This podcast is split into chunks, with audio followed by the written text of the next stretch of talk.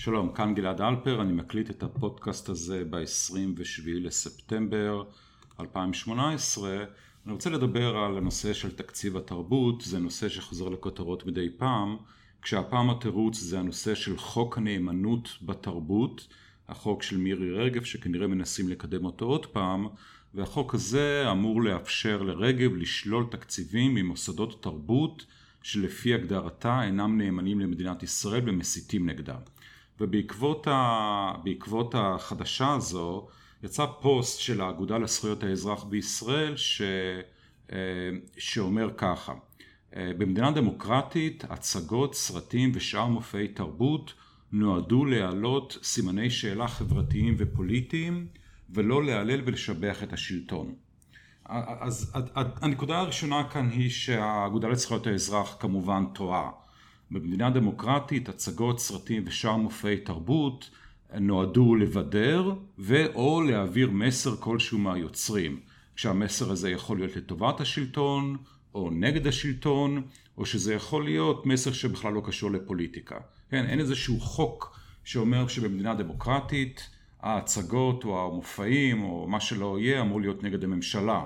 הרעיון עצמו הוא מגוחך, כלומר אפשר כמובן לדמיין שבתקופה של אה, איזושהי מפלגה שמאלנית, מן הסתם מפלגת אה, העבודה או אה, מפלגת המערך או לא יודע איך קוראים להם היום, המחנה הציוני שולטים במדינה, אני מתאר לעצמי שעדיין רוב מופעי התרבות שיופקו כאן יהיו בצורה כללית אפשר לקרוא להם שמאלנים ועדיין אני בטוח שהאגודה לזכויות האזרח בישראל לא תפרסם פוסט שיוצא במחאה נגד זה שלא מופקים מספיק הצגות ימניות שמבקרות את השלטון. כלומר ברור לחלוטין שזה, לי ברור לחלוטין שזה פוסט וזה דעה לחלוטין אינטרסנטית ומאוד מאוד לא כנה.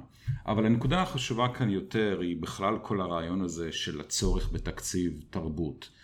כי אה, אם כבר לדעתי סימן, סימן קלאסי של מדינה דמוקרטית, או מה שאמור להיות לפחות סימן קלאסי של מדינה דמוקרטית, שבכלל אין תקציב תרבות, אין משרד תרבות, וכל הרעיון הזה של לקחת כספי מיסים, שהאזרחים כמובן נאלצים לשלם בעל כורחם, ולהשתמש בכספי המיסים האלה לממן הפקות, שמטבע הדברים אה, חלק מהם הוא לחלוטין מתועב על ידי חלק ממשלמי המיסים זה רעיון לא דמוקרטי, לא מוסרי, לא סביר וכולי וכולי. באופן כללי כספי המיסים כאמור נלקחים מאיתנו באלימות, שהרי אם לא נשלם מיסים אז ישליכו אותנו לכלא, יחרימו לנו את רכושנו או מה שלא יהיה. אז אם כבר גובים מאיתנו מיסים, כספי מיסים, לפחות שהממשלה תתייחס לכספי מיסים האלה בזהירות רבה. ולא תוציא אותם על דברים שהם אה, נראים הרבה פעמים גחמניים והרבה פעמים נראים כפשוט כלי שהקומיסרים למיניהם, אנשי תרבות בעיני עצמם, אנשי רוח כביכול, משתמשים בהם כדי לקדם את המסרים שהם היו רוצים לקדם. כלומר, אני חושב שבאופן כללי תקצ... מופעי תרבות, סרטים, הצגות, מה שלא יהיה, צריכים לממן אותם אך ורק בשתי דרכים. דרך אחת זה דרך אה, מכירת כרטיסים, שומו שמיים, אפשר פשוט למכור כרטיסים, והדרך השנייה היא תרומות, או מן הסתם אפשר גם לשלב בין שני הדרכים האלה. או במילים אחרות, שאנשים מרצונם החופשי יקנו כרטיסים או יתרמו כספים, ובעזרת הכספים האלה אפשר יהיה לממן מופעי תרבות, כן? לא לקחת מיסים בכוח ועם זה לממן את המופעים האלה. אגב, הרעיון הזה הוא אה, רעיון די מזעזע, אני מתאר לעצמי, בעיני הרבה אנשים, וזה מעניין, כי לפני בערך שנתיים, אם אני לא טועה, כשהנושא הזה של מירי רגב, אה, או אפילו לא זוכר מה היה התירוץ, אבל בכל אופן היה איזשהו סיפור גדול סביב משרד התרבות, ואז באיזשהו עיתון, אם אני לא טועה זה היה כלכליסט, הם פרסמו קריקטורה שמראה את שייקספיר, שמגיע לאיזשהו משרד ממשלתי ומתחנן שלא יחסמו או שיספקו גם לו תקציב. והכוונה של, הקר... של הקריקטורה הייתה כמובן לגחך על הרעיון הזה שאיך משתמשים, ב... איך הפוליטיקאים מנסים לכוון את המופעי תרבות איך שבא להם וזה היה כמובן קריקטורה שבאה מנקודת מבט שמאלנית שניסתה לבקר את מירי רגב או איזשהו מישהו ימני שמנסה כביכול לצנזר מופעי תרבות. והקריקטורה הזו הייתה כמובן מגוחכת, כן? מכיוון ששייקספיר באמת לא קיבל תמיכה כספית. שייקספיר את הכרטיסים למופעים שלו מימן על ידי מכירת כרטיסים והרבה פעמים אלה שקנו את הכרטיסים היו המוני העם, אפילו לא אריסטוקרטים. זה בזמנו לא היה כזה מקצוע אה, מכובד, לא יודע כמה הוא מגוחך היום, כמה הוא מכובד היום, אבל הוא בטח לא היה מכובד במיוחד אז, ושייקספיר המסכן, אה, איש רוח כנראה הרבה יותר קטן ממה שמסתובב היום במדינת ישראל, נאלץ למכור כרטיסים. אה, ואני מציע שגם אנשי התרבות הישראלים יממנו את ההפקות שלהם על ידי מכירת כרטיסים, או כאמור על ידי תרומות, או בכל דרך אחרת שהיא תוצאה של רצון חופשי. עכשיו, אחד, ה, אחד הביקורות נגד הרעיון של ביטול תקציב התרבות זה שאוי ואבוי אם לא יהיה תקציב תרבות אז מה יקרה לתרבות ואנחנו כולנו נידרדר ל... לא יודע, לריאליטי וכל מיני דברים כאלה וספורט ולא יהיו מופעים תרבותיים. אז התשובה לזה היא, יש לזה שתי תשובות. א', אני לא חושב שזה יקרה, כלומר חלק מהעם או חלק מספיק גדול מהעם כן מעוניין בתרבות גבוהה, כן מעוניין בקונצרטים או בלט או הצגות או כל הדברים האלה, אבל זו, זו נקודה משנית. הנקודה העיקרית היא שכל הרעיון של תרבות גבוהה לעומת תרבות נמוכה זה כמובן רעיון מאוד מאוד פטרוני של כל מיני עוד פעם אנשי תרבות ואנשי רוח בעיני עצמם שרוצים להציל את העם מהטמטום שלו עצמו. כלומר בעיניהם אם העם לא רוצה את המופעים שהם אנשי הרוח חושבים שהם מופעים ברמה גבוהה אז כנראה שהעם אה, מטומטם וצריך לגנוב לעם את הכסף שלו בצורה של כספי מיסים כדי לממן את ההצגות האלה שהעם לא מספיק חכם אה, או לא מספיק מתורבת בשביל להבין שהוא צריך לראות.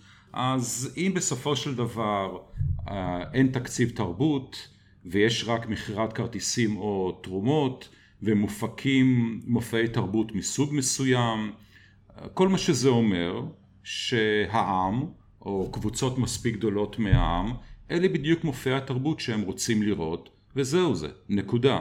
לא צריך יותר להתווכח על זה, לא צריך יותר לשנות את זה, לא צריכים לבוא אנשי רוח שיגידו לנו מה אנחנו צריכים לראות ומה טוב לנו ומה רע לנו. מה שאנשים רוצים זה מה שאנשים מקבלים. והפטרונות של אנשי הרוח שרוצים להחליט בשבילנו מה תרבותי ומה לא, זה כל מה שאפשר להגיד על דבר כזה, זה לא תודה. עכשיו, ביקורת נוספת שמותחת נגד הרעיון של. של uh, uh, לאפס את תקציב התרבות ולבטל את כל הרעיון הזה של uh, מימון תרבות על ידי המדינה, זה שעושים את זה גם במדינות אחרות.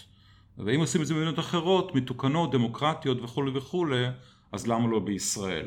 וזה נכון, כלומר זה נכון שבאמת בהרבה מדינות גם מדינות הרבה יותר מתוקנות וחופשיות וקפיטליסטיות מישראל עושים את זה, כן? לוקחים כספי מיסים ומוציאים אותם על מה שהקומיסרים של אותן מדינות רוצים לממן. והתשובה שלי שזה שעושים את זה במקום אחר זה לא אומר שזה נכון וזה לא אומר שצריך לעשות את זה כאן. אבל אני אלך עם זה עוד צעד. הרי נניח שעושים דבר כזה במדינה כמו שוודיה או דנמרק או שווייץ ואנחנו רוצים להצדיק את זה שנממן כאן תקציב תרבות על ידי זה שמממנים שם תקציב תרבות על ידי תשלומי מיסים, אז בסדר. אבל אם כבר, אם אנחנו באמת רוצים לחקות אותם בזה, אז למה לא לחקות אותם בהכל? אם באמת עצם זה שהם עושים את זה זה סיבה מספיק טובה שגם כאן נעשה את זה, אז בוא לא נהיה, בוא, בוא ניקח את כל המודל שלהם את כל מה שהם עושים בכלכלה שלהם וניישם את זה גם כאן, כן? אם כל דבר שהם עושים הוא טוב ולכן צריך לעשות את זה כאן, אז בואו נעשה את כל מה שהם עושים פה. אז בואו ניקח את הכלכלה הדנית או את הכלכלה השוויצרית, את המודלים שלהם וניישם את זה כאן. הבעיה כמובן שאין שום סיכוי שאי פעם נעשה את זה מכיוון שהמודל הכלכלי הדני או השוויצרי הוא הרבה הרבה הרבה יותר קפיטליסטי מאשר ישראל. ולו בתחומים של סחר חופשי, בתחומים של שוק העבודה, אם פה ננסה ליישם את המודל של חוקי העבודה בדנמרק בישראל, אני מבטיח שיהיה כאן שביתת הסתדרות שלא הייתה מתחילת ההיסטוריה של המדינה. כלומר, מה שאני רוצה להגיד שזה לא חוכמה לברור את הדברים המסוימים אה, שמיישמים במדינות מסוימות ולהשתמש בזה כהצדקה ליישם את זה כאן. אם כבר אז כבר ליישם את הכל, ואם לא אז למצוא צידוק של למה ליישם כאן דברים מעבר לזה שמיישמים את זה במדינה אחרת. זהו בעצם, יש עוד דברים מן הסתם לספר או לדבר או לדסקס או להתפלסף בכל מה שקשור לתקציב התרבות, אבל אני אעצור כאן. אם אתם רוצים לראות אה, את הפוד, לשמוע את הפודקאסט הזה ולראות דברים אחרים שכתבתי וצילמתי, מוזמנים להיכנס לגוגל, לעשות חיפוש גלעד אלפר קפיטליזם, ובראש העמוד מופיע הבלוג שלי עם כל המאמרים, הסרטונים והפודקאסט. תודה ולהתראות בינתיים.